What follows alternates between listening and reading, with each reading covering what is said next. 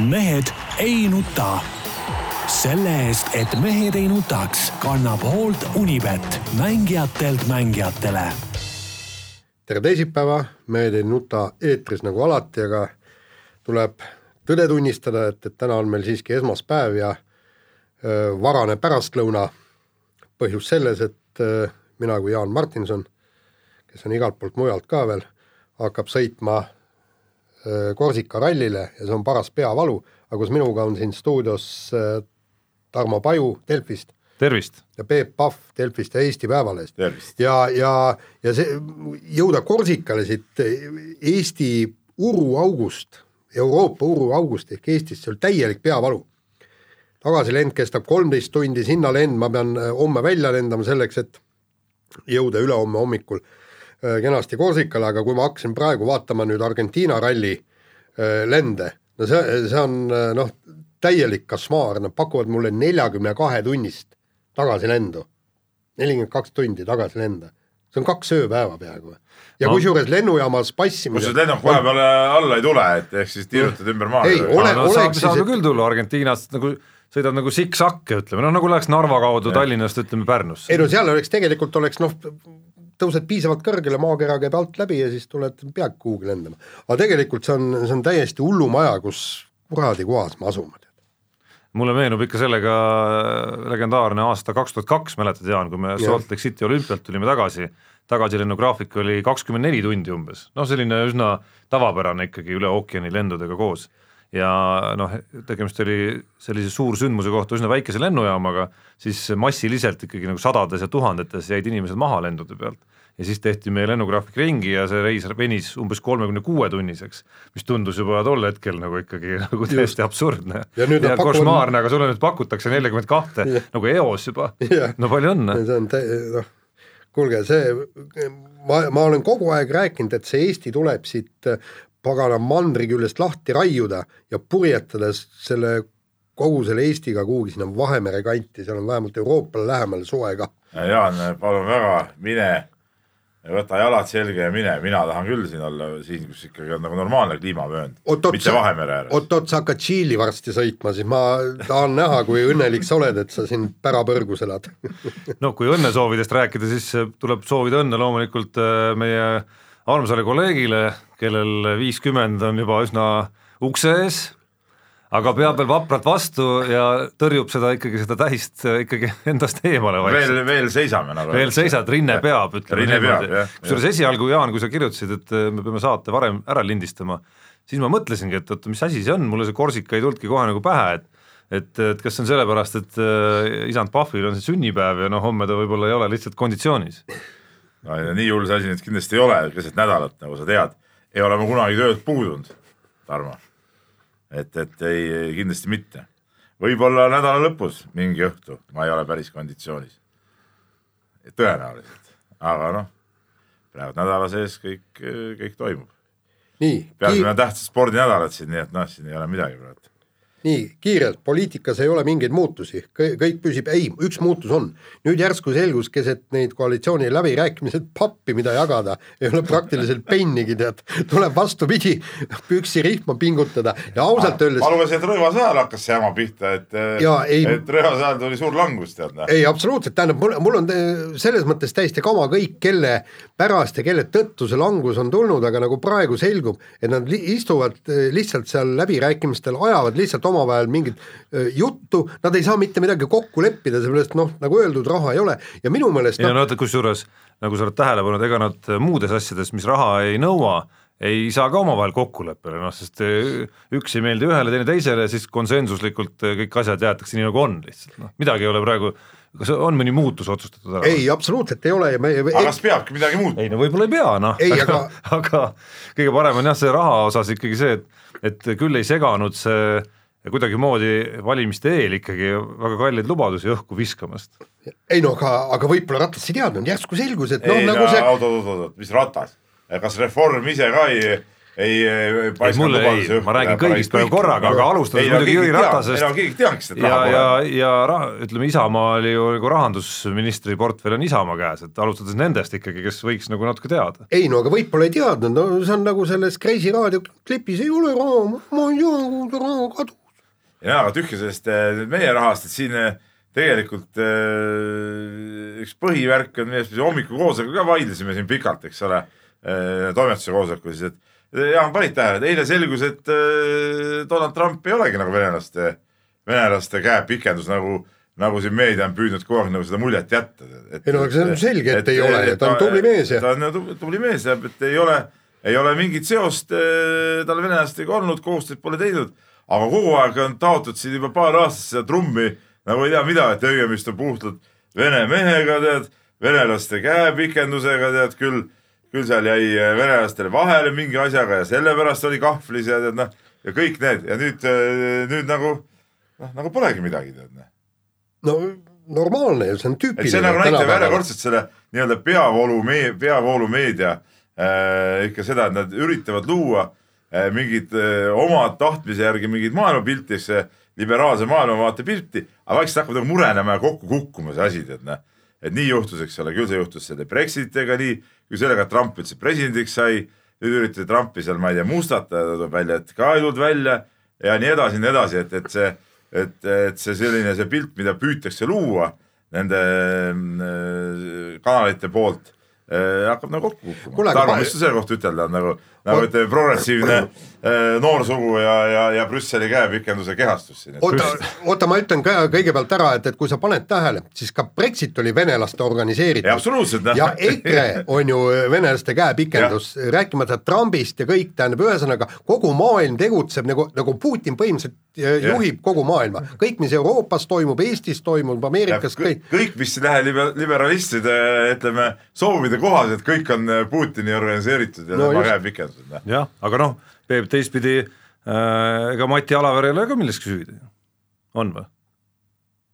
et ta oli ka nagu, oli Ei no, no, Putini ja Veerpalu ei ole ka dopingut tarvitanud. ei ole või? no ei ole ju, süüdi pole mõistetud. ei no jaa, jutt käib aga praegu süüdimõistmisest. see, see, see, ei no sa, sa oled omandanud ka ütleme liberalistide demagoogia kõrgema, kas sa oled, vaata vanasti käidi kõrgemas parteikoolis, aga Ta- Tarmo käib nüüd kõrgemas Siin- demagoogia koolis. siin ei puutu isegi, ei no siin teile mõlemale, teile mõlemale jään ma muidugi nagu kõrge kaarega alla muidugi igast demagoogia nagu elemendist, selles ei ole üldse mingit kahtlust, Peep. ja Jaanist ma üldse ei hakka rääkima. ei, aga kuule, Tarmo, kas sa tõesti, tõesti usud, et Brexit on venelaste poolt äh, nagu Organiseeritud. Äh, mis puud-, ei, räägime ärme Brexitist praegu räägi, räägime Trumpist praegu, et ei no sa küsisid Trumpi Jah, kohta ju eks, et noh äh,, nii palju on ju Peep siiski tõestatud, et äh, Venemaa on, Venemaa tegeles sellega, et aidata Trumpi võimule, ehk siis nii-öelda nagu Clintoni vastase tegevusega tegeles. et äh, küsimus, kas see see oli nii-öelda koostöös Trumpiga või mitte, ja kuidas, ei kuidas tea., ei, kuidas ei tea, öeldi selgelt ära raportis. ei no raportis, ei no raportis öeldi seda, mina ei pea olema siin küll keegi, keegi, kes peaks kaitsma. kas sa nagu, kas, kas, kas sa nüüd nagu seda et raport ei olnud nagu õige? ei, vastupidi Noh., ma, ma lihtsalt mõtlen, et kuidas sa üldse üks küsimust õhku visata siis praegu enam? ma tahan öelda nii palju lihtsalt, et äh, miks sa selle küsimuse mulle niivõrd suunad praegu, kas ma olen kuskil väitnud, et Trump äh, nii-öelda oli see, kes nagu tegi venelastega koostööd või? sellepärast, Tarmo, et sina oled selle peavoolumeedia kehastus minu no aga mida peavoolumeedia on siis täpselt öelnud või ei ole öelnud selle kohta? kogu, kogu kajastus on ju siiamaani käinud ühte. jaa, aga see uurimine, Peep oli ka nagu reaalne asi, see uurimine toimus. toimuski ja No. uurimine tuvastas, et ei ole midagi olnud. no just, aga mida meedia on kajastanud, kas seda, et Trump, Trump äh, nii-öelda nagu tegi koostööd venelastega või seda, et uurimine käib? no seda, et ikkagi kogu aeg on äh, räägitud, et tegi koostööd. no vot, mina nii täpselt ei julgeks seda öelda. kuule, okei okay,, aitab Trumpist liiga palju on tema aega saanud, et ta on ka samas noh, ta on no ta võib olla tore mees, aga ta on ameeriklane ja, ja seda küll jah, Ja- ja, ja ka imperialistid. kui nad sinna, need on tema, huvitav, et ta on nii tore mees sinu jaoks on, kui need on tema lennukid, mis sul pea kohal seal tiirutavad. mis lennukid? Seal on, ei polegi ole, lennukeid tuleb välja. kuule, palju meil siin Ameerika lennukeid on, no mõni on käinud ikka. mõni vahest käib jah, aga nemad ei lenda Peebu. nemad võtavad vaikselt, nemad lähevad vaikse see on sul- susinaga nagu ütleme vabakäigul. see on sul Trumpiga- aga kui need või hispaanlased või, või sakslased tulevad, noh, noh, vanad anastajad, eks ole, no need panevad ju täie gaasiga tead üle noh. see on sul mingi oma diil, lasevad, pauku veel teevad. see on sul mingi oma diil, ma saan aru, Donaldiga. Donaldiga on oma diil jah. nii, kuule, räägime pa parem veelgi tähtsamatest meestest, räägime EOK presidendist Urmas Sõõrumast, kes tuli välja omapärase ja huvitava avaldusega ja oma arvamusartiklis Postimehele andis teada, et me peame Mati Alaveri ja Andrus Veerpalu hoopis tänama, aga mitte hukka mõistma kõige selle dopingu tarvitamise, mille eest ja Peep hakkas kohe jälle materdama. aga ma ütlen kohe ära nüüd, enne kui sa jät, jätkad. suhtes Urmas Sõõrum oskab väga hästi oma joont hoida. Ma küll materdasin, ütlesin, peab tagasi astuma, aga mis tegi Urmas Sõõrumaa täna hommikul, ma arvan, selle võib avalikustada, saatis mulle ilusti sünnipäevaõnnitlused, kõik nii nagu, nii nagu olema peab, eks ole, tead. Ei, mingit vimma kriitika eest, et, et jälle, jälle tule- ütleme tänas, eks ole, kõik eh, põhimõtteliselt noh, mees hoiab oma joont, väga stiilne, noh, väga stiilne nii, aga, aga tegelikult on, on üldsus üldiselt väga pahane ja, ja on ka spordiinimesed ja tegelikult Jaan, ajakirjanikud jälle ja ma pean sekkuma, üldsus, üldsus ei ole, üldsus ei huvitagi see asi nii palju. kusjuures äh, kui ma nüüd see võtan on Peep pahased on ikkagi need spordi, ütleme päris spordiinimesed on pahased. samas, kui ma Peep kuulan nagu nii palju, kui ma kõrvalt kuulan, kas need spordiinimesed on nüüd ikka ka väga pahased või? Et siin justkui siin justkui nagu räägitakse sellest, et okei okay,, see ei sobi, on ju, Urmas Sõõrumaa on täiesti lubamatud kommentaarid eh, EOK presidendina, kusjuures noh, see osa on minu arust täiesti selge, et et Eesti Olümpiakomitee president sellises küsimuses, sellisel teemal, võib-olla kui ta räägib, ma ei tea, kanamuna hindadest, saaks ta nagu omavahel lahti haakida selle, et on Urmas Sõõrumaa kui eraisik ja on Urmas Sõõrumaa kui Eesti Olümpiakomitee president. siis juhul, kui ta räägib ikkagi Eesti spordist, siis mulle tundub selline nagu lahtisidumine kuidagi noh, täiesti võimatuna siiski, et see ei ole nagu tehtav tegelikult, sest see, milli-, millised on tema põhimõtted äh, inimesena peaks siiski nagu tulema kaasa kuidagi ka tema kui EOK presidendi rolli, aga ükskõik kui palju selle ümber on nüüd nagu kära, mulle tundub, et nagu spordirahvas või näiteks selles samas, ütleme siis, mis see on, täitevkomitee, eks, ehk siis nii-öelda kogu EOK, kõik need äh, organid, alaliidud, kes peaksid äh, ei, täitevkomitees ei ole. mitte täitevkogu, üldkogu, üldkogu tähendab, vabandust, EOK liikmed Jah, siis, eks ehk siis äh, et see organ, mis peaks nagu andma hinnangu ja vajadusel, eks ole, paneb ametisse, vajadusel võtab maha, et seal nagu üleüldist pahameelt või valmisolekut kuidagi seda hukka mõista nagu suuremas koosseisus mina küll ei näe kuskil. ma ei tea jah seda, kas üleüldine, ma olen küll mõnede alaliidu juhtidega nagu rääkinud ja ja, ja, ja, ja need on olnud küll kriitilised, kellega ma olen rääkinud. aga samas ma, nii nagu ma sulle ka siin omavahelises vestluses ütlesin ennist, et et ma ei ole küll kindel, et näiteks seda viiteist allkirja nii lihtsalt kokku saadakse, mis on mis on üldkogul vajalik siis, et algatada umbusaldust eh, presidendi vastu. et see ei pruugi üldse nii lihtne olla. muide, no spordirahvas on ju alati äh, niimoodi vae-, vaoshoitud ja tagasihoidlik ja sellepärast, et äh, nad kardavad väga selle, sellepärast, et neilt võetakse kas või mingisugunegi osa finantse ära ja no mulle on ka räägitud, eks, et, et seal on noh, endised presidendid, kes, kes seal on, on olnud ja, ja on ka sedavõrd natukene ähvardanud, eks, et, et umbes, et lihtsalt vähendame toetusi ja kõik ja, ja EOK võib ju teha kõike, mida tahes ja keegi ei taha ju EOK juhtidega konflikti sattuda. ja, ja, ja see ongi põhjus, te mäletate ju ise, et, et absoluutselt kõik kirusid Mart Siimanit. Abso-, absoluutselt kõik. ja siis, kui tuli taaskord presidendivalimised, praktiliselt ühehäälselt pandi mees, mees taas pukki, aga, aga omavahel selja taga käis niisugune kirumine. täpselt sama asi on korvpalliliidus, ütleme, ma olen korvpalliliidu siseelu ka tean natuke klubi seisukohast. kui palju aastate jooksul on seal treenerite omavahelises jutus pannud oh, kossuliit täitsa no jama noh, noh, ei ole nagu kahtlustki, et ilmselgelt toimub mingisugune võimupööre, vahetus. tuleb äh, nii-öelda aruandlus, valimiskoosolek, midagi, ikka samad vennad pukist, et ei pane keegi vastu häält. Ja- no Urmas Sõõrumaa puhul kaasneb minu arust veel nagu teine ja isiklikum faktor natukene veel, et äh, ma usun, üks asi on, et ei taha minna kuidagi vastuollu nagu nii-öelda EOK juhtkonnaga, aga teine asi, et ega, ega Urmas Sõõrumaa kui ütleme eraettevõtjaga ei taha võib-olla ka noh, kui sa oled alaliidu esindaja, ei taha ka võib-olla hakata piike murdma. No kunagi ei tea, millal sul on No vaja, abi on vaja, Urmas. Sõõrumaa abi jällegi vaja. Ja-, kuigi te, kui Urmas Sõõrumaa nii-öelda põhimõtteid kuulata, siis muidugi tema mingit viha ei tohiks küll pidada, et vastupidi, ta peaks tänulik olema kõikidele, andmagi raha nendele kes on teda üritanud kukutada. Kusjuures noh, Peep, sa tead ju väga hästi, kui me kirjutame kriitilise artikli, kas, kas nüüd EOK või Eesti spordisüsteemi või Kultuuriministeeriumi, no aga rohkem just, et mis EOK-d puudutav artikli.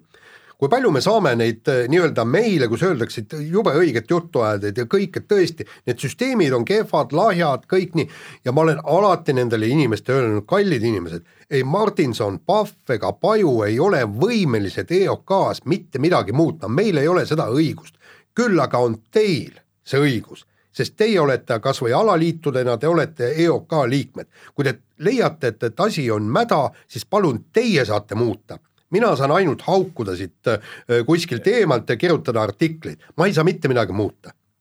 ja, ja, ja, ja siis kõik ütlevad, et jube õiget asja kirjutad ja kõik, et, et meil ongi asjad mädad.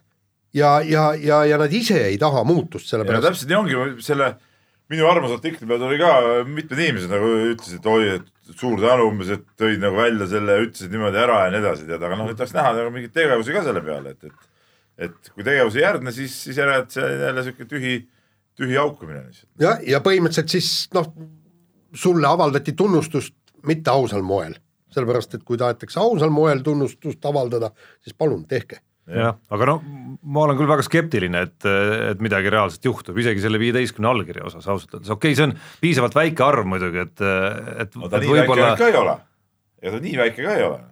no võrreldes sellega, mida on vaja, et päriselt umbusaldust avaldada, on ta ikkagi nagu väike. nojah. jah, aga, aga, aga kuigi lõpuks..., kuigi tulles asja sisu juurde no mul on tunne, et, et see võiks koht olla küll, kus spordirahvas võiks vähemalt nagu väga tõsiselt selle debati nagu ära pidada, et et kas Urmas Sõõrumaa ikkagi on nagu sobiv ja, ja küsimus on ju noh, kahes asjas korraga, nagu sa kirjutasid ka, et üks asi, üks pool on see nii-öelda dopingu noh, antud juhul isegi siis tarvitajaid ikkagi või, või ta, või tarvitamisele kaasaaitajaid või sellest teadjaid nende siis ütleme nagu tänamine on ju, mis kõlab nagu absurdsena, siis seesama sportlaste mõtlemisvõime kohta tehtud avaldus, aga noh, tegelikult ka tema tegevus EOK presidendina, et on see nüüd, on see nüüd täitnud neid lootusi, mida pandi Urmas Sõõrumaale siis, kui ta ametisse, ametisse asus, ma mäletan, Peep, meie enda saates olid sa ise ja, tol ja. perioodil ikkagi nii-öelda tema selja taga, kui me siin vaidlesime omavahel. ma tunnistasin, et näed, et ma eksisin ikkagi tol hetkel, ma arvasin, et, et asjad lähevad teistmoodi, aga aga on liiga vähe nagu olnud seda tegevust ja kõik need asjad, mis on tehtud või teha või räägitakse, on tihtipeale siukse absurdse maiguga. Noh. ja aga, aga niisugused väljaütlemised, see on tõesti absurdne, no kujutage ette, et nüüd keegi hakkab, tuleb, hakkab tõesti rääkima, eks, et et Stalin oli ka tubli mees, võitis sõja ju, eks. ja, ja, ja keegi tuleb, ütleb, vaata, meil oli loo juures kommentaarides oli kirjas, et Hitlerit tuleb kiita, et vaata, kui head maan-, maanteed ehitas igale poole Saksamaale. on ju et no., et, et see, selle järgi siis tulebki kõiki kiita, sest igaüks on tõesti üht-teist ka head teinud. ja väärib mõistmist, sest ja igaühe tegude taga, nii-öelda tagamaad võivad üleüldse peituda, ma ei tea, lapsepõlves, geenides ja ma ei tea, kus veel, et no ega nad ise ei olegi võib-olla teinud midagi halba. just. nii, väike paus. nii, ja paneme kiire vahemänguga edasi ja Äh, meie sü äh, tänane sünnipäevalaps Peep Pahv äh, koos oma jüngritega ehk poistega pani siis teise liiga korvpalli veerandfinaalis Gerd Kanteri, Reinar Halliku ja Gert Torbeku paika, et räägi, tähendab te, teine sats nagu palkab nagu endale kõvasti abiväge, olümpiavõitja toob sinna sisse. no Gert Torbek peaks olema ka ikkagi mängumees, ikka veel. ja siis nüüd su poisikesed panevad sellele kambale ära, noh no ei ole see nii lihtne, Jaan, sa tead küll, kunagi pole nii lihtne olnud. eriti kui ma saan aru, Gert Torbek aasta jooksul ikkagi väga mänginud ei ole korvpalli. no mis see tähendab no,, no ta on ikkagi Eesti koondise mees no.. no ikka tase, taset tal muidugi on ja, ja taset ikkagi oli ka seal, aga noh, ma ei tahaks siin veel nagu väga, jääksin nagu tagasihoidlikuks, ma ei tahaks siin kirema hakata, et see, see seer on alles nagu nii-öelda poole peal, et see tuleb alles reedel Jõhvis vormistada Äh, või kui reedel ei õnnestu vormistada, siis nädal hiljem veel uuesti Keilas, aga pigem muidugi väga tahaks, et see, et see reede peale, reede peale jääks see asi, et, et aga, aga jah, ütleme nii, et äh, oli, oli tore korvpalliõhtu. ja publikut oli ka, ma kuulsin. publikut oli ka ja asiotaaži oli ja, ja, ja kõike oli. ütleme teise liiga kohta oli ka meediakajastus päris kõva. no miks ei olnud jah, aga noh, peab vist ikkagi ühe resümeena ütlema ka seda, et, et noh, seegi tulemus võib-olla näitas, et et see jutt sellest, et esiliiga ja ka teise liiga tiputase on ikkagi läinud ilmselgelt paremaks siin viimase paari aastaga, et see jutt ei ole nagu õhust võetud, ma arvan, mõne aasta eest oleks, oleks need selliste tugevdustega Halliku korvpallikool ikkagi suhteliselt mürinal selle teise liiga kinni pannud. kindlasti on läinud tugevamaks, sportlikumaks just eelkõige, sportlikumaks. aga vahetame teemat, äh, läheme dopingu juurde tagasi ja, ja tuletame meelde jalgrattur Rein Taaramäe ütlust eelmisel nädalal, mis rääkis siis seda, et Eesti dopingusuusatajatel tõmmati siis nahk üle kõrvade, kasu kogu loost sai lõpuks ainult arst. aga ega me ei tea seda, seda ütles muuseas ju ka, ka härra Bernatski, kui ma temaga tegin intervjuu, esiteks punkt see, et et, et see andis nii vähe tulemuse mõttes kasu, teiseks, et see sinna nii palju raha viia just sakslastele, et sellega saaks iga medõde siin Eesti haiglas ka hakkama, et ja lisaks ta isegi saaks sellega hakkama, kogu selle protseduuri organiseerimise ja teostamisega, et, et igatepidi tõmmati nahk üle kõrvade. jaa, aga äh, noh, no minu meelest just ja Taaramäe nii-öelda jätkulause oli, oli kõige sisukam, kui ta ütles niimoodi, et, et sa näed ju ühe-kahe korraga ära, et asi ei toimi. mille pagana pärast sa kolm aastat endal verd vahetad. aga äkki hakkab toimima? no aga siis võib-olla see see jama, et jätan nüüd järele, on ju, ja siis enam ei saa isegi kolmekümnendat kohta, vaid saan neljakümne viienda näiteks. no neljakümne viies koht oli see mõnele meie jaoks ka nagu, nagu roosa manna. no okei okay,, et nüüd lõpetan ära ja nüüd ma ei pääse koondisse isegi. nojah, see, see ju jah ja kui sa koondises pole, noh siis noh, sisuliselt sa ei ole üldse suusataja. sest igaüks ju ikkagi vaatab oma tasemest, tasemelt lähtuvalt neid, neid tulemusi, eks ole. et seitsmekümnenda koha mees ei mõtlegi sellest, et ta tuleb ju olümpiavõitjaks, ta ei saagi nagu tulla, eks ole seitsmenda koha mees mõtlebki, et ma saaks viiekümnendaks, oleks väga kõva juba. et Karel Tammjärv ju selles intervjuus äh, tollele rahvusvahelisele suusaportaalile kirjeldas natukene seda nagu mõttemaailma, tõsi, natuke teise nurga alt, et mis mõtted nagu peast läbi käisid, ehk siis nagu selle suuna alt, et äh, mõnes mõttes nagu tekkis hirm selle ees, et läheb liiga hästi, et siis kuidagi see nagu südametunnistus hakkab rohkem painama ja, ja lisaks on need võib-olla mingid kahtlused ka, mis seda rohkem nagu sinu sinu suunas nagu tulevad, on ju, et igal juhul oled nagu omadega nagu täitsa metsas ikkagi. Noh. nii, aga omadega hakkab metsa kiskuma ka Poola kettaheite vanameister Pjotor Malachowski, kes siis eh, teadupärast treenib eh, sellest hooajast eh, Gerd Kanteri juhendamisel ja ja on ta lõpetanud siis alkoholi pruukimise pärast seda, kui Kanter tema treeneriks asus. Kanter teadupärast on ju karskete eluviiside harrastaja ja propageerija. Malachowskit ma olen näinud ise staadionil äh, õlletops näpus. ütleme, peale seda, kui ta oma võistlus ära olnud, eks ole, tribüüni peal istumas, et noh. ma ei tea, ma, vot äh, ma saan siuksest inimesest aru, kes üldse kunagi pole alkot äh, tarbinud. aga inimene, kes nagu on tarbinud ja nüüd ütleb, et ma nüüd enam ei võta, tavaliselt need keeravad nagu ära.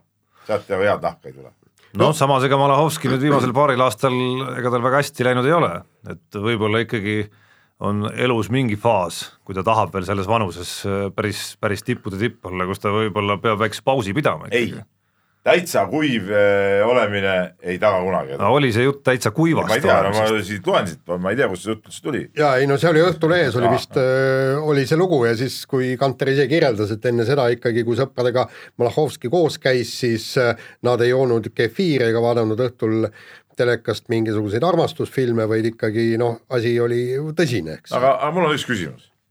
Eh, mis mõte on üldse sõpradega kokku saada, kui sa nagu ei tee äh, teravat või noh, okei okay,, kas mõned õlled või midagi. mis, mis see kokkusaamise mõte siis üldse on? et istud seal ja joodki tõesti vett ja, ja teed või?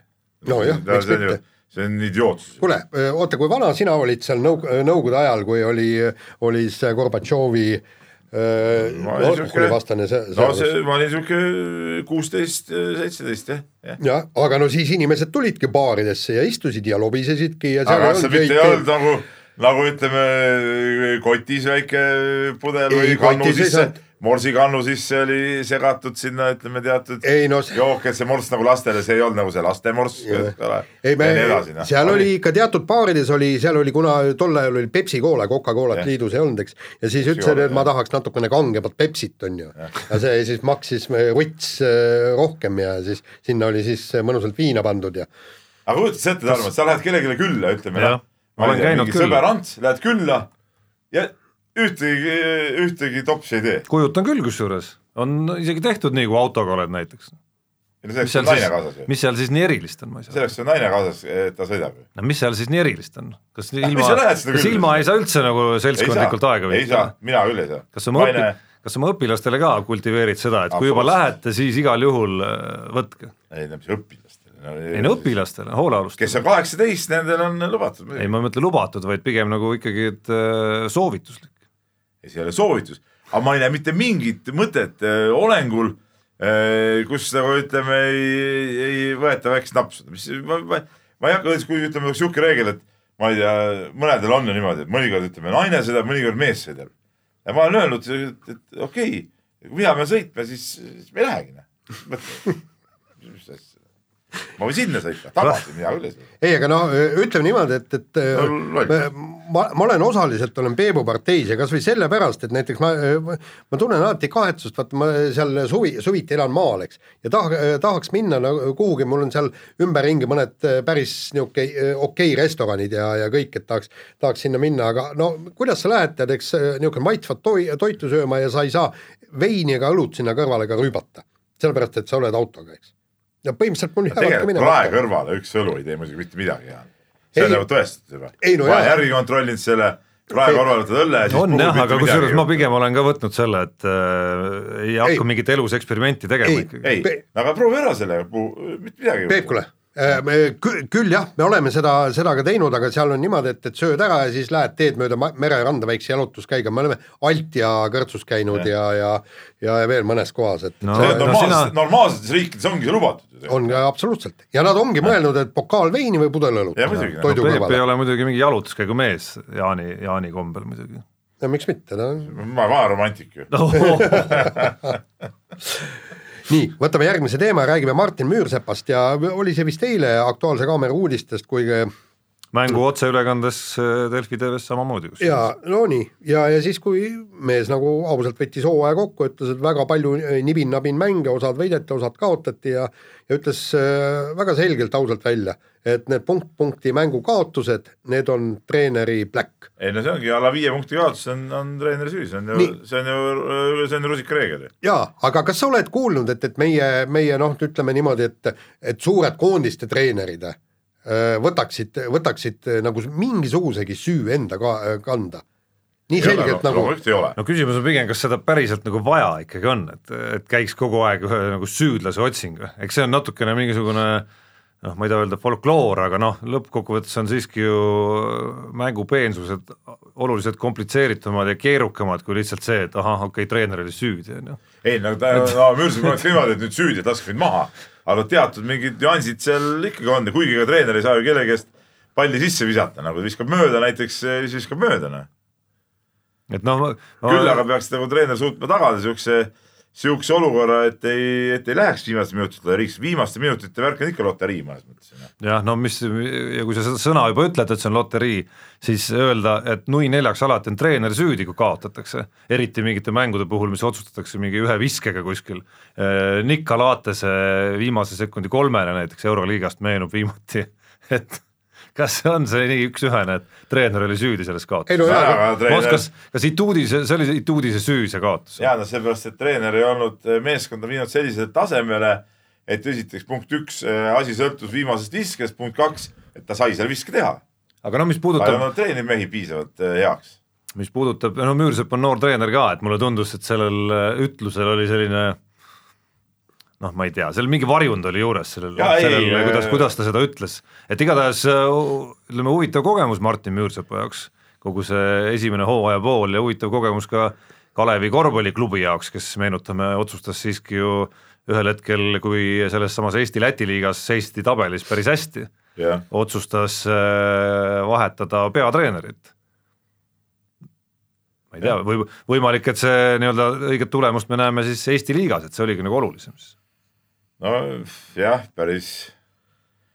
jah, see oli, see oli üks arus, see oli selle korvpalli hooaja kõige arusaamatum käik oli see ikkagi kokkuvõttes. sellest ongi raske aru saada. aga kiire vahemängu lõpetuseks jääme me ka korvpalli juurde. nädalavahetusel laupäeval toimus siis äh, Eesti-Läti liiga põhiturniiri võitjat otsustanud kohtumine Ventspilsis, kus BC Kalev Cramo jäi Ventspilsile alla ja Ventspils tänu sellele võitis siis põhiturniiri ja selles mängus äh, leidis aset ka üks äh, selline väiksem kähmlus, seekord ei olnud Chavon Lewis asjaosaline, olid seal teised mustad mehed peaosalised äh, ja lõpuks siis, kui umbes viis minutit või, või oli isegi rohkem, oli siis vaadatud kaamerast ja, ja telerist üle, mis seal täpselt toimus, kes peab mida karistuseks saama, selgus, et ainus mees, kes tuleb väljakult ära ajada, oli meie enda kogenud Kristjan Kangur. Ta, nagu ma aru saan, ma ise seda ei näinud, kui ma olin no ta oli siis ainus mees, kes pinkide, pinkide pealt tuli väljakule. jah, ma sain aru, ma tahtsin öelda, ma ise olukorda näinud, ma nägin seda mängu viimast viite minutit ainult, kuna mul oli omal mängud Lätimaal ja siis jõudsin hotelli ja vaatasin aga, aga nii palju ma lugesin jah, nagu sa pingi pealt tuled ära, kogenud mees peaks teadma, noh, et ei saa tulla sealt ära, noh. tuled ära ja siis ongi eemaldamine, noh, see on, siin ei ole isegi midagi vaielda no.. Ja, ja kusjuures ma vaatasin seda video ka, seal ei olnud mingit löömist, ei olnud, lihtsalt poisikesed lihtsalt nügisid teist, teineteist, et oli siis sinna ikkagi vaja, vaja sinna pingile. kindlasti ei olnud, no see ongi, ma, see ongi arusaamatu, kuidas nii kogenud mees eh, lasi läbi sellise apsakana. põhjust polnud. nii, aga nüüd törts reklaami Unibetis saab tasuta vaadata aastas enam kui viiekümne tuhande mängu otseülekannet. seda isegi mobiilis ja tahvelarvutis. Unibet, mängijatelt mängijatele. nii, jätkame nüüd äh, kirjade kontoriga. võtame kirjakontori ette ja, ja hakkame siit otsast kohe lugema, tead Tamm Tamm, ka meie üks vana hea kirjasaatja on saatnud päris huvitava kirja ja, ja, ja, ja see teema vajab kindlasti lahkamist, et ähm, kirjutab siis nii, et meedias oli pealkiri koondise paus sunnib Florat äh, HIFK äh, vastu minema kahe Kuressaare mängijaga. ja, ja juttu on nüüd sellest, et äh, hooaja sees peaks olema, et, et Peep on rääkinud, hooaja sees ei peaks olema üleminekud võimalikud, nüüd on jalgpallis aga uus tase Eestis, meeskond laenab Eesti vippmeeskonnale mängijaid et nemad saaksid trenni teha, noh, see tegelikult sellise treeningmänguga, eks ole. et kogu aeg räägitakse, kui jalgpalli, kuidas jalgpalli Eestis arendatakse ja kõik muutub professionaalsemaks. aga noh, see, see asi sellele viitab, et korvpallis eh, ei oleks vist sellist asja, et Rapla annaks mõne mängija natukese saaks Craamosse, et tehke teie trenni, meil ei ole praegult vaja. et eh, tegelikult ei tohiks meeskonna duubel meistriliigas samal ajal mängida. Flora pidi olema hea noortesüsteem, miks nad siis enda noortega ei läinud, eks ole, õige no, küsimus ja, ja nüüd küsib, nüüd tuleb põhiküsimus, et miks ma peaksin uskuma, et seal ei ole mingit hookus-pookust. kui Kuressaare mängib eelviimases voorus näiteks riigitelevisioonis ETV kahes Floraga ja Floral on tiitel mängus. noh, väga õige küsimus, tähendab minu arust on, on selle käiguga saanud äh, kogu Eesti jalgpalli äh, tsempionaat ja, ja, ja kogu see, kogu see Pohlaku sihuke äh,, kuidas ma ütlen, nagu jutt sellest äh, liiga tõsiseltvõetavusest on saanud ikka nagu räige hoobi ja siin nagu, nagu mingit eh, usaldust nagu praegu olla ei saa selle asja vastu. samas sul on ka käinud ju teiste noorteklubide mängijad eh, mingil turneel näiteks abis. ei no aga see on teine asi, sa, no sa ei no see no, ikkagi, sa no. oled selle kõrgema demagoogia kooli läbi käinud, sa võrdled näppu ja ühte teist asja mis ei ole, see on ebareaalne jutt, mis sa praegu ma küsin, on ju on küll. ei, Tarmo, seal ju jutt ju käib sellest, et Flora süsteemi kuuluv klubi, kui, kui Flora oleks võet-, võtnud Levadiast või Nõmme Kaljust, oleks, oleks juttu vä-, oluliselt vähem olnud. keegi ei oleks ju selle pihta tori, torisenud. no küsida saab ikka samamoodi, noh. ei no kuule, no tead, see on üldse absurdne, noh.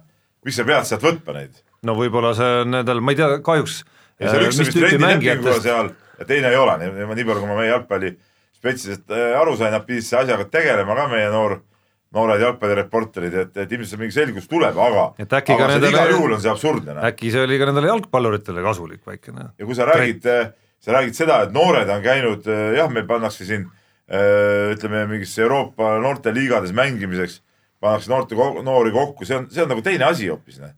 see, see ei ole nii, noh, nii, see on hea, hea näide, noh, ei ole nii, et Kalev Cramol on vaja minna treeningmängule ja siis tõepoolest äh, Rapla ütleb, okei okay,, võtke, siin on Kajupank ja, ja siin on Ilves ja võtke ja minge mängige nendega, nagu no see asi ei ole niimoodi. Noh.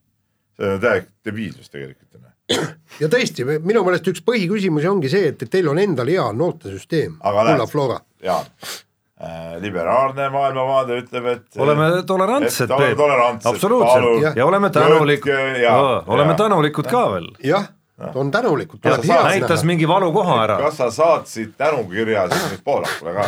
mina ei ole saatnud, ma ei tunne saatnud? üldse, et ma peaks nagu asjasse puutuma, kuidagi, kuidas nii, kuidas nii, sa nägid valukoha ära ju. et äh, pigem peaks saatma tamm-tamm Aivar Pohlakule või, või noh, antud juhul ma ei teagi, kellele äh, konkreetsemalt, Ja tänu, tänukirja selle eest, et ta juhatas kätte väikese valukoha. ja milles valukoht ta seisnes siis? no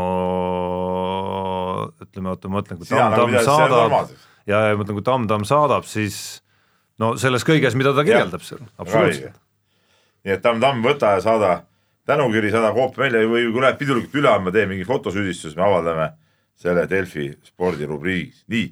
Aga meie teine vana kirjasaatja Kalle on ka kirjutanud, et tere mehed, lugesin Jaani kirjatükki Veerpaludest. noh, ma pean ütlema, et tagasihoidlikult olin, olid minu näpud sellega isegi rohkem seotud kui Jaani näpud. mina kirjutasin sinna kaks lõiku. sul on nii lühike nimi, Peep, et see lihtsalt läheb nagu Jah. silma alt läbi. jah, et Jaan, Jaan toetas kahe lõiguga, ma panin ta nime ka nagu austust vanameistri vastu, siin aga selba tähtsust. me nagu ikkagi koos nagu planeerisime seda loomulikult. ja, ja, ja kirja peas edasi, et kõik ajakirjanikud meeleheitlikult üritavad veerpalusid välja suitsetada. ma küsin, miks, kas te loodate sealt midagi tarka teada saada? kas te tõesti usute, et Andrus tuleb ja räägib puhtsüdamlikult kõik asjad ära, nii nagu oli? et vaadake Alaveri intervjuusid, ta räägib täpselt nii palju kui vaja ja seda, mis nagunii teada on. Veerpalu tuleb avalikkuse ette ja räägib täpselt seda, mida pilv suhu paneb ja ja et mingil juhul ennast mitte kompromiteerida. Ühesõnaga mõttetu on inimesi taga ajada, nagunii valetavad ja jooksevad minema. no selles suhtes on muidugi Kallel õigus, et ega ma tunnistan ausalt, ega äh, ma ka ei, ei arvagi, et ta tuleb ja, ja nüüd äh, puhtsüdamlikult üles tunnistab. aga põhimõtteliselt meie asi on ikkagi nagu uurida välja, kus ta on ja, ja pärida nagu aru, no see ongi meie töö, kuigi äh, meid on nimetatud maniakaalseteks tegelasteks sellepärast ja, ja võtame selle tiitli siis nagu auga vastu ja, ja, ja olemegi siis noh, ja mis siis. jah, ja teine asi on see, et, et noh, võiks ju Algo kärbilikult tulla ja kasvõi noh, nii palju rääkida, nagu rääkis Algo Kärp, eks, miks mitte. kuigi ma ei tea, palju on Kärbi ja Tammjärve ja nende jutust ka nagu no aga mi- midagi seal tõde või kui. palju seal rääkimata jäetakse Ei, no või- pigem huvitab mind see, kui palju seal rääkimata no jäetakse ikka jäetakse midagi Jah. rääkimata, aga, aga vähemalt rääkigu siis et, nii et palju selles suhtes ma olen Kallega nõus, et ega nad ütlevadki täpselt seda, mida nagu saab ütelda, mis neid absoluutselt ei kahjusta ja, ja mis on nagu üldiselt teada, et mingeid uusi fakte sealt eh, väga tulemas ei ole ja, ja päris eh, nii-öelda stukatsideks neist keegi tegelikult ei hakka. jaa, aga noh, meie asi on ju ikkagi küsida need küsimused, mis mis avalikkusel on nii-öelda üleval ikkagi ja Andrus Veerpalu puhul neid küsimusi ma ütleks, on äh, isegi oluliselt rohkem kui Algo Kärbi puhul.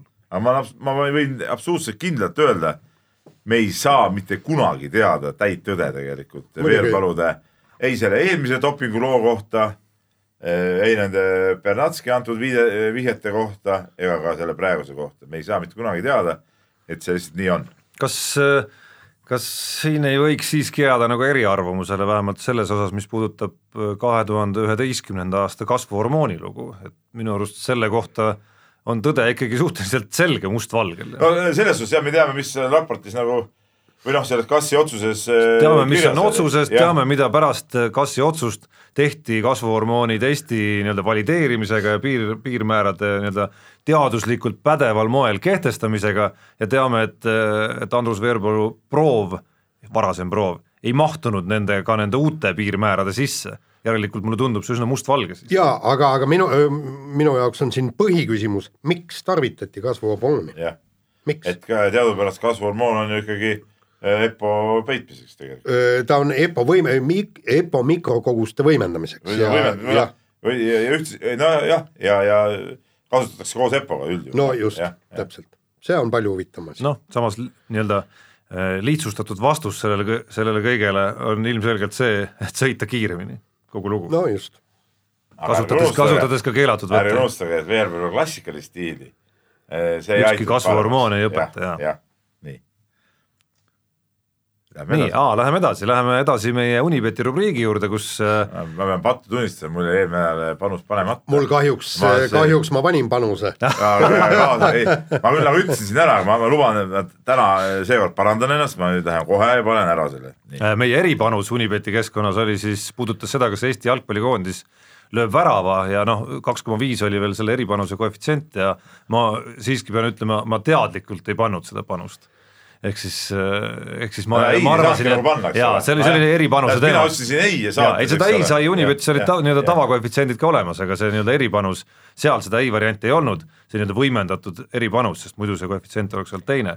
Ja jätsin nagu panemata aga hea, hea meelega kuulaks, kus siis Jaan õnne proovis seekord. ei, ei, ma sealsamas nagu mingisugune..., ei sealsamas on... ma proovisingi. Äh, meil, meil tuleb jalgpallist, tuleb järgmises osas äh, tuleb juttu ja väga lähedal ma... oli kusjuures, et sa oleksid võitnud. just, seda ma räägingi, sellepärast et palju ma... Jaan panid siis, pool suvilat või? Ei, ma ei pannud pool suvilat, ma mõned eurod panin sinna, aga ei julge ju esialgu palju panna, aga ühesõnaga ma ei ole mitte midagi võitnud, ma olen ainult kaotanud ja vaatame ka, palju mul jätkub sellest sajast eurost. no sinna on... kantakse kuu algul juurde. jaa, sa pidid ju heategevuseks seda kulutama. no just, aga, aga näed. sa praegu sa nuumad Kihlveo kontorit ennast, eks ole. no just nii, aga uue nädala eripanus on ka värskelt saanud üles, ma ei tea, kas ta on nii. veel eetris praeguse seisuga, kui me salvestame, aga saatajaks kindlasti on ja see puudutab Euroliigat, ehk oh. siis sellel nädalal no, jaa, sellel nädalal on äh, Euroliigas üldse väga, on väga põnevaks seisud ja. läinud ja just seal edasipääsu joone ümber ja vaieldamatult selle nädala kõige oodatum kohtumine saab olema Ateena äärelinnas, kus äh, Kaunas ja Žalgiris läheb külla siis Pireuse olümpiaakosele ja läheb külla olukorras, kus äh, edasipääs on ootamatult jälle ikkagi nagu, nagu täiesti, täiesti te teemaks tõusnud jah, ja see mehed ei nuta eripanus Unibeti keskkonnas saab olema siis Žalgirise võit, äh, ongi nii-öelda Žalgirise võidupanus kolm koma null, see on nii-öelda võimendatud eripanus. Mehed ei nuta kuulajad. ma ütlen, kõik, kes te meid kuulate, pange jah see aitab, see kannab Salgerise võidule. kusjuures ma andsin ka just äh, meie äh, sõbrale Unibetist teada, et mulle tundub päris hea koefitsient, arvestades ajalugu lihtsalt. muidugi olümpiaakos on soosik selles mängus. ja arvestades seda, et Salger viimasel ajal päris hästi mänginud. on hästi mänginud ja, ja teiseks äh, oli, olümpiaakosega on teatav nagu soodne ajalugu ka seal täiesti olemas, Žalgirisel eelmisest hooajast. vot nii aga nüüd no, nüüd nii. läheme siis. tea, mis sa paned, kas sa paned selle peale? ma, ma hakkasin praegu just mõtlema, et, et ma võtan sealt äkki Žalgiris vastu.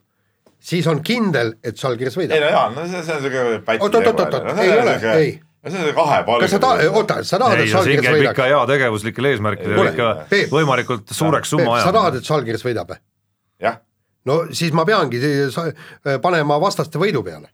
et sa tunnistasid ennast tondiks, jah? no siiamaani on tontlikult läinud, jah kunagi okay., ma ei tea, ma ei mäleta, kas ma olen saate ajaloos seda rääkinud, aga aga aastate eest kui sai tegelikult regulaarsemalt isegi panuseid pandud. vana mängur äh,. vana mängur jah, sõltuvust ei olnud, kinnitan oli, täiesti. oli äh,, ma nägin, kui tal käed värisesid, kui ma tükk aega panust saanud panna, kus... külm higi oli otsa ees. ja siis see... lõpuks sai panna üks euro mingi mängu peale, siis kohe nagu nagu oleks äh, süstal veenis käinud. ma ei mäleta, et ma kunagi oleks ühte eurot kuhugi panustanud, Peep, aga aga mis ma tahtsin öelda, on see, et ma mäletan kuskilt tollest ajast sai loetud Johan Cruyffi eluloo raamatut, kus ta kirjeldas, ma enam ei mäleta, miks ja mis kontekstis, oma mingisugust äh, nii-öelda äh, nii-öelda nagu panustamisfilosoofiat, mis käiski siis niimoodi, et ta pani siis nagu nii-öelda äh, selle vastu, mida ta tahtis, et tegelikult juhtuks. ehk siis, kui ta oli kellegi poolt, siis ta pani selle vastu, lõpuks oli igal juhul võidus, heal juhul võitis tema lemmik, halval juhul võitis raha. just. kiirelt minu minu panustamine on umbes tosina aasta eest ja, ja justkui see panustamine läks meil massidesse, meil tõesti seal toimetuses, Õhtulehe toimetuses. Mehed panustasid, siis ma mõtlesin, et, et proovib ka, võtsin sada, sada Eesti krooni, panustasin kahele oki tulemusele, sidusin nad ära, see oli, Eesti mängis to, toona seda MM-i, tal oli isegi lõpuks võimalus A-gruppi tõusta, see oli too turniir, ma ei mäleta, mis aasta see oli, see oli päris ammu, nii, ühesõnaga panin sinna, kõmm, võitsin ja kusjuures üks mäng, mille peale ma panin, oli viik. kas Eesti viigistas Leeduga ja siis võitis kedagi. ma sain hästi suure hulga raha. esiteks ma ostsin kohe talverehvid selle raha eest ja siis jäi veel ikka kõva ports järgi, mingi tuhat Eesti krooni ja siis ma mõtlesin, et no nii, nüüd läheb rikastumiseks. panin sa-, panin saja krooni kaupa põhimõtteliselt ka igasuguste huvitavatele tulemustele, muidugi, enam ei võitnud, ei ühtegi pihta ei saanud, aga ma sain saja Eesti krooni eest komplekti talveräppe, nii et. Polnud ka paha. Polnud ka paha. aga läheme siis, Jaan, sinu lemmikteema juurde ehk Eesti jalgpallikoondis vaatasin mängu, kuidas äh, Eesti jalgpallikoondis siis äh, Euroopa uues valiktsüklis Põhja-Iirimaaga äh, madistas ja no ausalt öeldes noh, ma ei taha seda välja öelda, aga üsna paha oli kogu seda mängu vaadata, no, no see, see ei olnud ikkagi päris see jalgpall, mida ma olen harjunud nagu telerist nägema, et, et kui ma vaatan seal Saksamaa ja, ja Hollandi mängu ja siis äh, nagu mängitakse kahte, kahte nagu erinevat mängu, isegi Põhja-Iirimaa mängis natuke teistmoodi ja, ja, ja mis mind kõige enam hämmastas, oli see, et Eesti jalgpallikoondise, eile ma just rääkisin ka äh, Madissele, noorreporterile äh, pikemalt sellest, et mis mind kõige rohkem närvi just ajab, see, et need algtõed on omandamata. meie jalgpallurid on kakskümmend aastat võtti mänginud ja esimene värav, kuidas tuli nüüd iirlastel, oli ju see, et, et pall tuli sinna trahvikasti keskele ja järsku neli kaitset ja viies tormas ka veel sinna ligi, kõik kõik jooksevad sinna palli ümber troppi koos ja eemal on äh, mängijad täiesti vabad. ma olin, ma, ma olin, oota, oota, oota no., ma räägin sulle, ma olin kehalise õpetaja äh, ma, ma hakkasin teisest klassist peale, me hakkasime saali jalgpalli ja muidu jalgpalli mängima. teine klass mängiski niimoodi palli, et kogu see punt, kogu see kolmkümmend last olid kõik ümber selle palli ja siis niimoodi see kuhi liikus väravalt värava alla. aga neljandas klassis juba nad hakkasid jagama et kui pall sinna keskele läheb, siis jäi üks-kaks mängijat äh, neid mängijaid võtma ja teised vaatasid, et, et, et kus kohas nüüd need vabad mängijad või võiksid olla. aga see oli neljas klass. aga meie jalgpallurid pole siiamaani sellest aru saanud. Jaan, aga võib-olla nad äh, lähtusid sellest sinu artiklist, mis sa kirjutasid siin suvel või, või millal see oli, kus äh, oli jutt sellest, kuidas üks mees on palliga keskel, ülejäänud tood ümberringi sinna katavad teda ja niimoodi mõtlesid, et klaarivad ära selle olukorra seal trahvikastis no põhimõtteliselt ilmselt nii nad mõtlesid, aga seal oli ju teine, teine küsimus oli veel, et, et kui Eestil äh, tuli see ainukene värava võimalus, kui, kui Anier sai äh, kenasti äh, palliga läbi ja jäi väravaiga sisuliselt üks-üks, siis keegi mikipärast, ükski ekspert ega keegi ei olnud sellest rääkinud ja seda võib ju näidata ka ekraanitõmmissega, et vasakul oli üks oma mängija oli täiesti vaba. Ja, ja kui oleks sööt sinna läinud, see ei ole, see ei oleks üldse raske sööt olnud, oleks sellel ju äh, värav täiesti tühi ees olnud. ja no., ja viie-kuue-seitsme meetri pealt oleks ära löönud. Ja omal ajal hoovi jalgpallis, kui sa jätad niisuguse söödu löömata, mis Peep oleks no, kohe, kohe, kohe vastu pead, aga muuseas tänapäeva jalgpallis ongi need jalgpallurid on nii, eh, kuidas me enesekesksed või, või egod on nii suured, et ja nad ju ei, nad ei taha sööta, nad ikka no, ise, silmad kinni, täiesti jõust, ei vaata üldse, ikka ise panen mõnikord teevad olukorras, kus noh, täitsa, täitsa loll on ju peale lüüa mõnikord.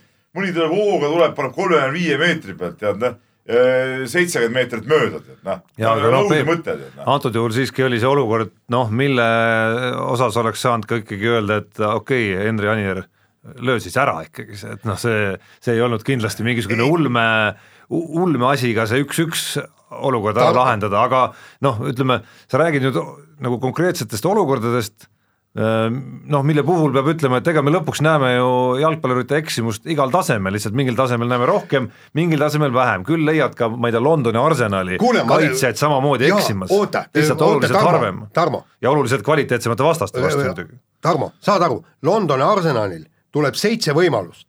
Ja neil on ruumi neid võimalusi luhta lasta. jaa, aga noh, kvaliteedi Eestlased... vahe, Jaan, sa tead, ongi ju selles ei. nii võimaluste loomise hulgas Kuule. kui ka nende realiseerimises. oota, Tarmo, ma ei räägi siin äh, Lionel Messilikust triblamisoskusest või Ronaldo väravavaistust, ma räägin siin hoovi jalgpalli tasemest et kõks kõrvale ja pall on võrgus. just, ma räägin ju ja, ja kaitsemängus on ka täpselt sedasama, ma ei räägi mingisugust pikaajalisest positsiooni valikust ega sellest, et et sa tead ja aimad juba vastase mängijate liikumist ette. see, see on ju nii lihtlabane, et kõik kaitsjad ei torma selle palli ümber nagu lasteaias aga et noh, nagu tegelik kurbloolisus minu arust noh, see, et tekivad sellised olukorrad väljakul, mis päädivad siis ikkagi äh, kuiva kaotusega noh, on ju, on ju tegelikult selle tulem, et, et äh, milline see Eesti koondise kvaliteet ja mängijate valik praegu on ja nii lihtne see asi ju tegelikult ongi. nii ongi.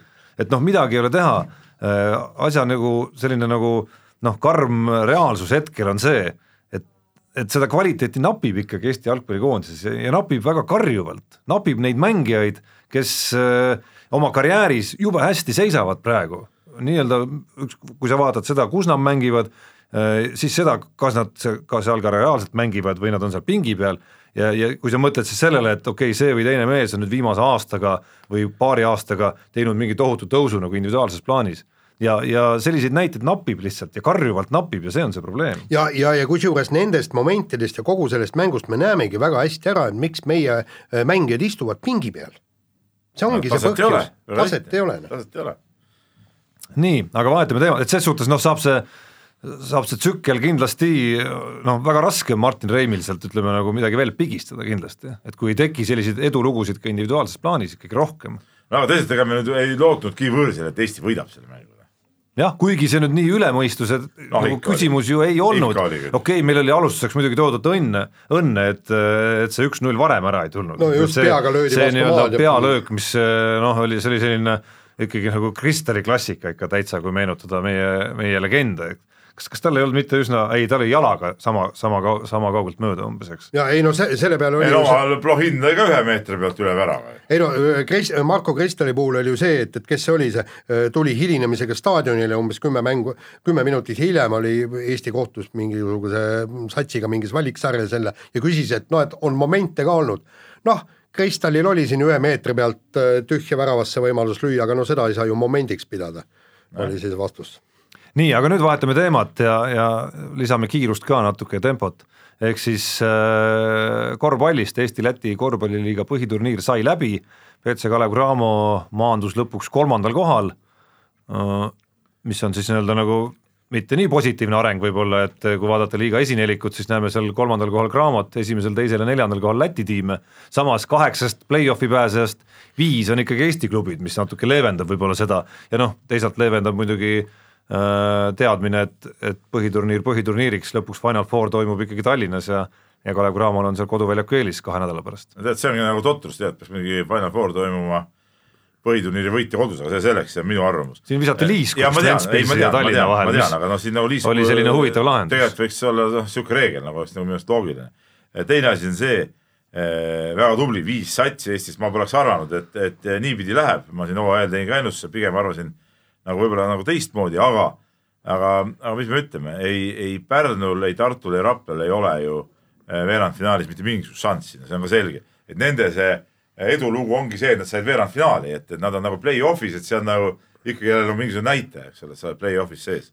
aga eh, mis on nagu huvitav, siis üks põnev paar on, Ogre ja, ja TTÜ või TalTech või teoorias vähemalt. see, see TalTech, ma ütlen ära, see, see, see on värdjalik nimetus muidugi, seda ei tohiks nagu kasutada et TTÜ on ikka see õige, õige, et EPI veel oleks veel õigem muidugi. nii, aga, aga, aga see, vot see peaks olema huvitav paar nagu, et, et nüüd, kui saade läheb eetrisse teisipäeval, siis tänases lehes on ka väike artikkel sel teemal. rääkisin äh, Rait Käbiniga, mis ta nagu arvab sellest vastasseisust ja, ja, ja seal, seal on nagu see, see on nagu, see on nagu põnev, põnev kahemänguline seeria, võiks nagu olla iseenesest. ka põhiturniiri mängud üks-üks omavahel mõlemad äh, mitte, mitte eriti suure vahega, mis on huvitav, mõlemad võitsid võõrsil oma mängu. et, et seal on nagu, nagu huvitavaid nüansse küll, et no seal sõltub väga palju ühest asjast. kas äh, Ogrel äh, Kaspar Spersins mängib või ei mängi, et ta oli siin, oli pikalt väljas. viimane mäng ta oli juba koosseisus, aga platsil veel ei käinud. ja kui tema mängib, siis see on nagu, see on nagu väga kõva jõud ja, ja ma nagu ei, ei näe hästi noh, ole muidugi, mis vormis ta on, isegi kui ta mängib, et kui ta on oma normaalses vormis, siis on väga raske nagu näha, et, et kuidas TTÜ teda nagu, nagu pidama saaks. aga see on huvitav vähemalt. nii, aga lähme veel kiiresti edasi järgmise teema juurde ja sai pidu läbi Saaremaa võrkpalliklubil, et, et eelmine aasta nad tulid suure rahakotiga äh, Eesti liigasse, äh, võitsid kõik, mis võita sai. aga nüüd see hooaeg on läinud kuidagi kehvemini need asjad ja, ja ja karikavõidu said kätte, eks ole, aga. see on kõige vähem väärtuslikum. kõige vähem väärtuslikum karikas äh, sellel Eesti-Läti ühisliigal või, või Balti liigal, kuidas iganes nimetada, finaalis kaotus ja nüüd Eesti liiga poolfinaalis siis null-kolm allajäämine Pärnule. ma arvan, Pärnu jaoks oli see Avo Keele ja, ja, ja, ja tema hoolealuste jaoks ülimagus võit. kusjuures äh, mind jällegi mitte ei hämmasta, aga, aga suure lugupidamisega ma suhtun Aavo keelde sellepärast, et ta julges kõige selle välja öelda, kui me saame poolfinaalis Saaremaalt tappa, siis on hooaeg ebaõnnestunud. et ta ütleb selle väga, väga selgelt välja, ühesõnaga nad läksid seda mängu võitma, seda seeriat, kõike, eks, ja ja, ja Saaremaa ju kõike seda teadis, kõik on asjad paigas, sats on ju tegelikult olemas, korras ja kõik, et ma vaatasin eile seda viimast mängu, no seal ei olnudki midagi vaadata lõppkokkuvõttes. seal oli, esimesed äh, game'id olid äh, huvipakkuvad, esimesed kaks, aga siis läks asi käest ära Saaremaal ja, ja no ikka puhtalt mängiti üle.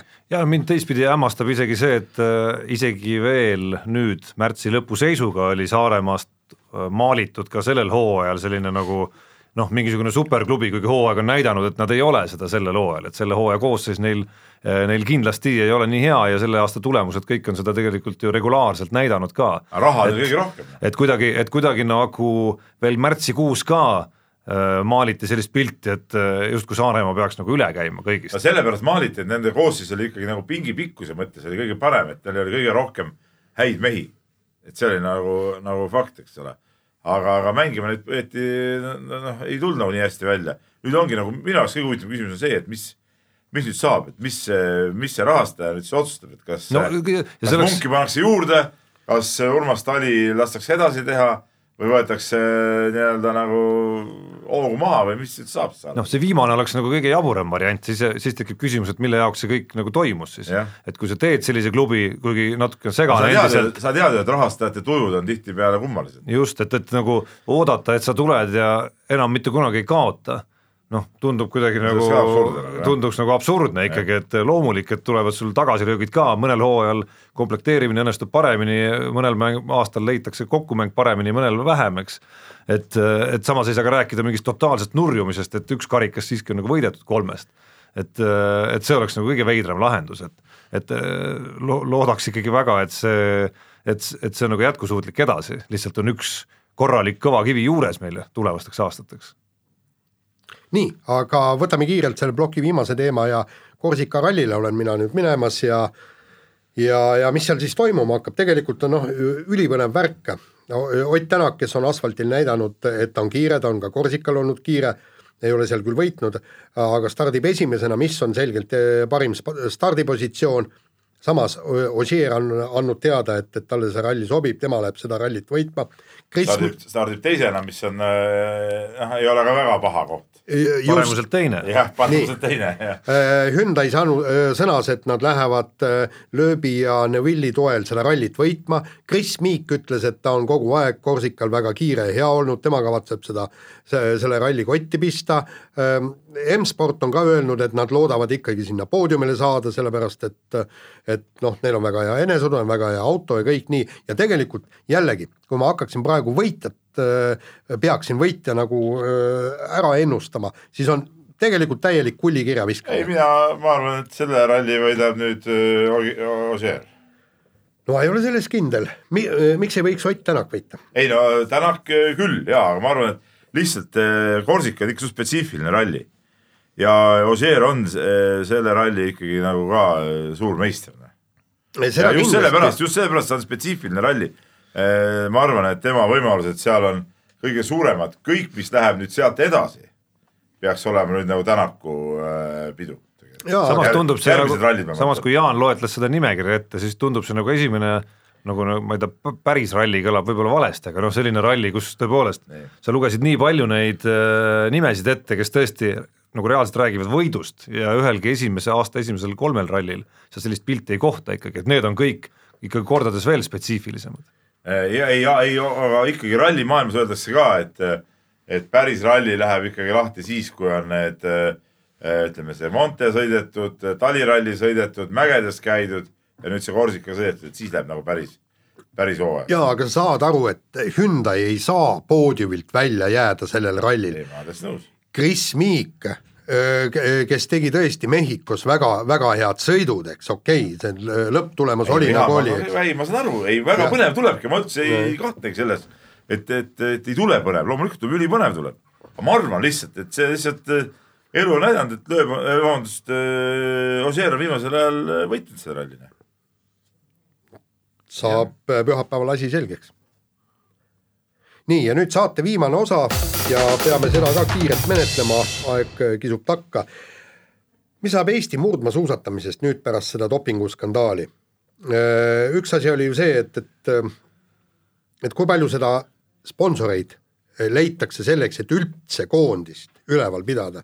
ja, ja muret tundis juba Raido Ränkel kes andis teada, et tema jaoks on kindlasti vaja tipptasemel taustajõud peaksid edasi jätkama, ehk siis määrdetiim, et kas äh, nii-öelda äh, tiim Haanja lagunemise tõttu kadunud raha suudab Suusaliit leida või mitte ja siis ta ütles väga huvitava lause sinna veel otsa, et vaatab ka laskesuusatamise poole.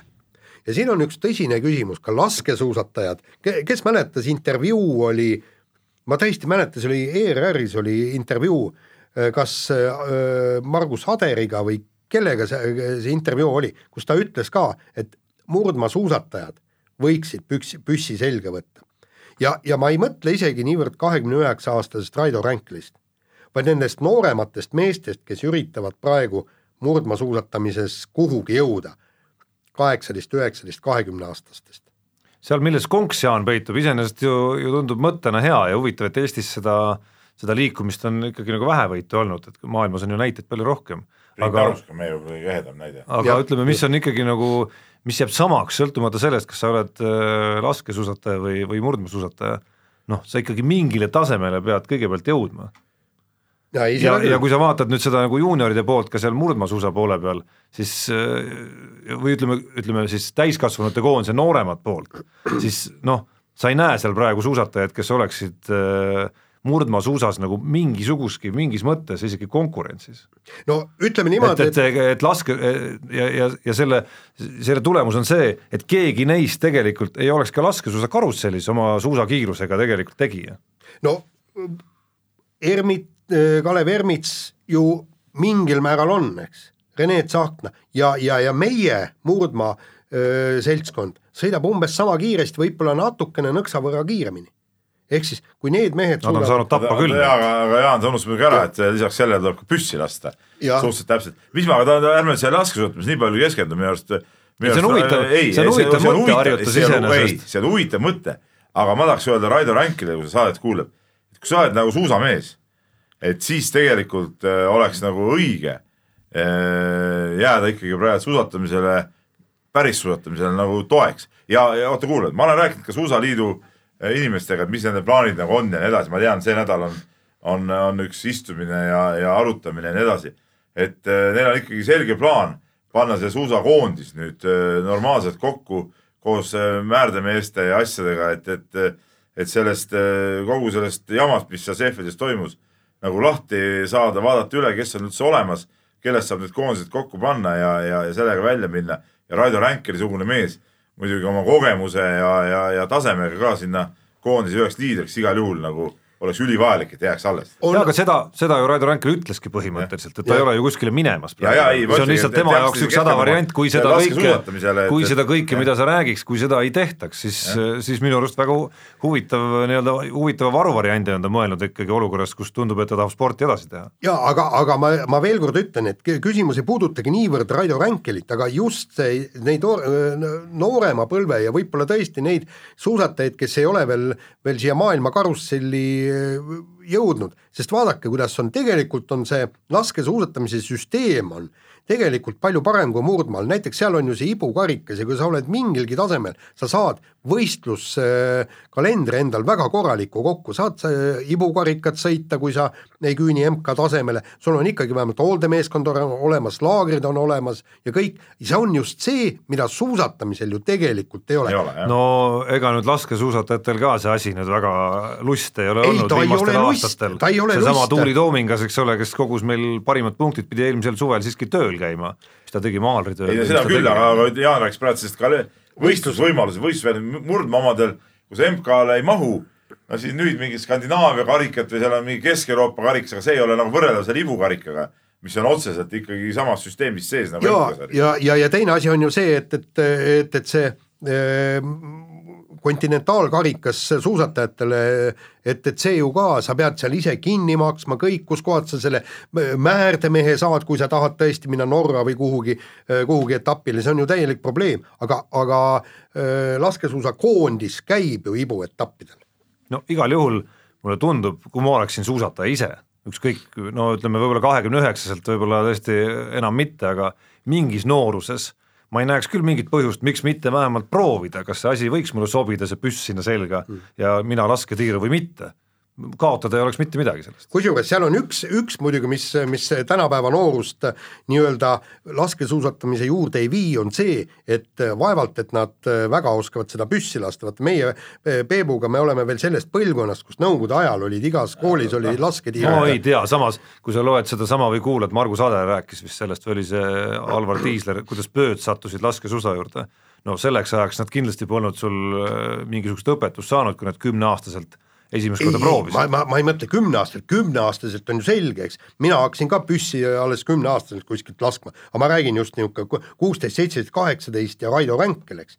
sellepärast, et nõukogude ajal oli ju igas koolides tiirud, iga nädal suutsime viis või kümme kuuli tiirujuhilt välja, välja pinnida, meil oli ju linnas oli väga mitu lasketiiru, õhupüssist sai lasta no,. tinaplönnidega, jah? tinaplönnidega, õhupüssid olid kodus. Mul oli väga mitmel sõbral.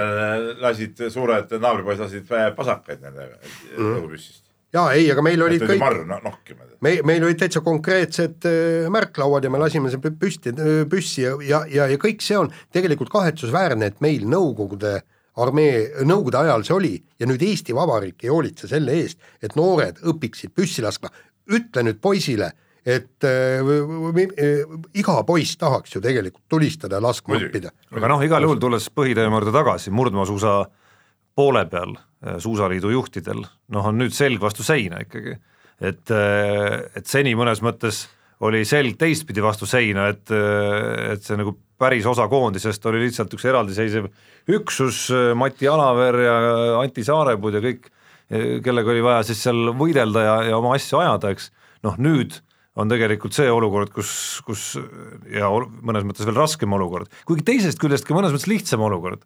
et, et, et võib-olla leidubki neid äh, toetajaid, kes, kes tahaksidki õla alla panna sellisele nii-öelda puhtalt lehelt alustamisele. ma arvan, et seal on variant praegult Suusaliidul, kui nad õigesti tegutsevad, on võimalik see koondis äh, käima saada täitsa normaalselt. aga seal on kõige kurvem asi on see, et ei ole nii-öelda kas või poolikut tähte, kelle ümber see võistkond luua kui enne oli vähemalt meil massi, enne oli oota. aga oot, oot, oli see päiksekiireke sul ju?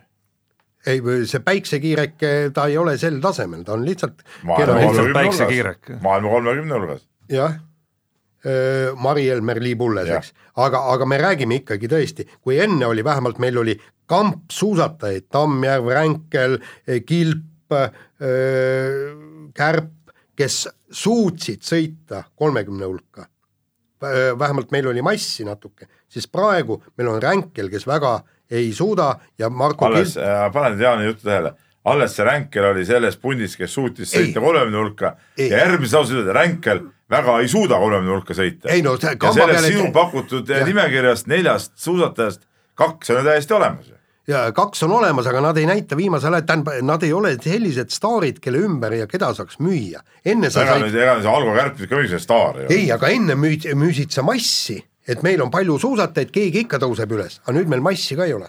vot see on kurb, aga eks seda ole kõike näha ja järgmine nädal olen ma loodetavasti Korsikalt tagasi öö, pärast kolmeteist tunnist tahaks õigel ajal saadet teha. ja siis saab äkki, äkki õigel ajal saadet teha. nii, kuulake meid nädala pärast mehed ei nuta. saate tõi sinuni Unibet, mängijatelt mängijatele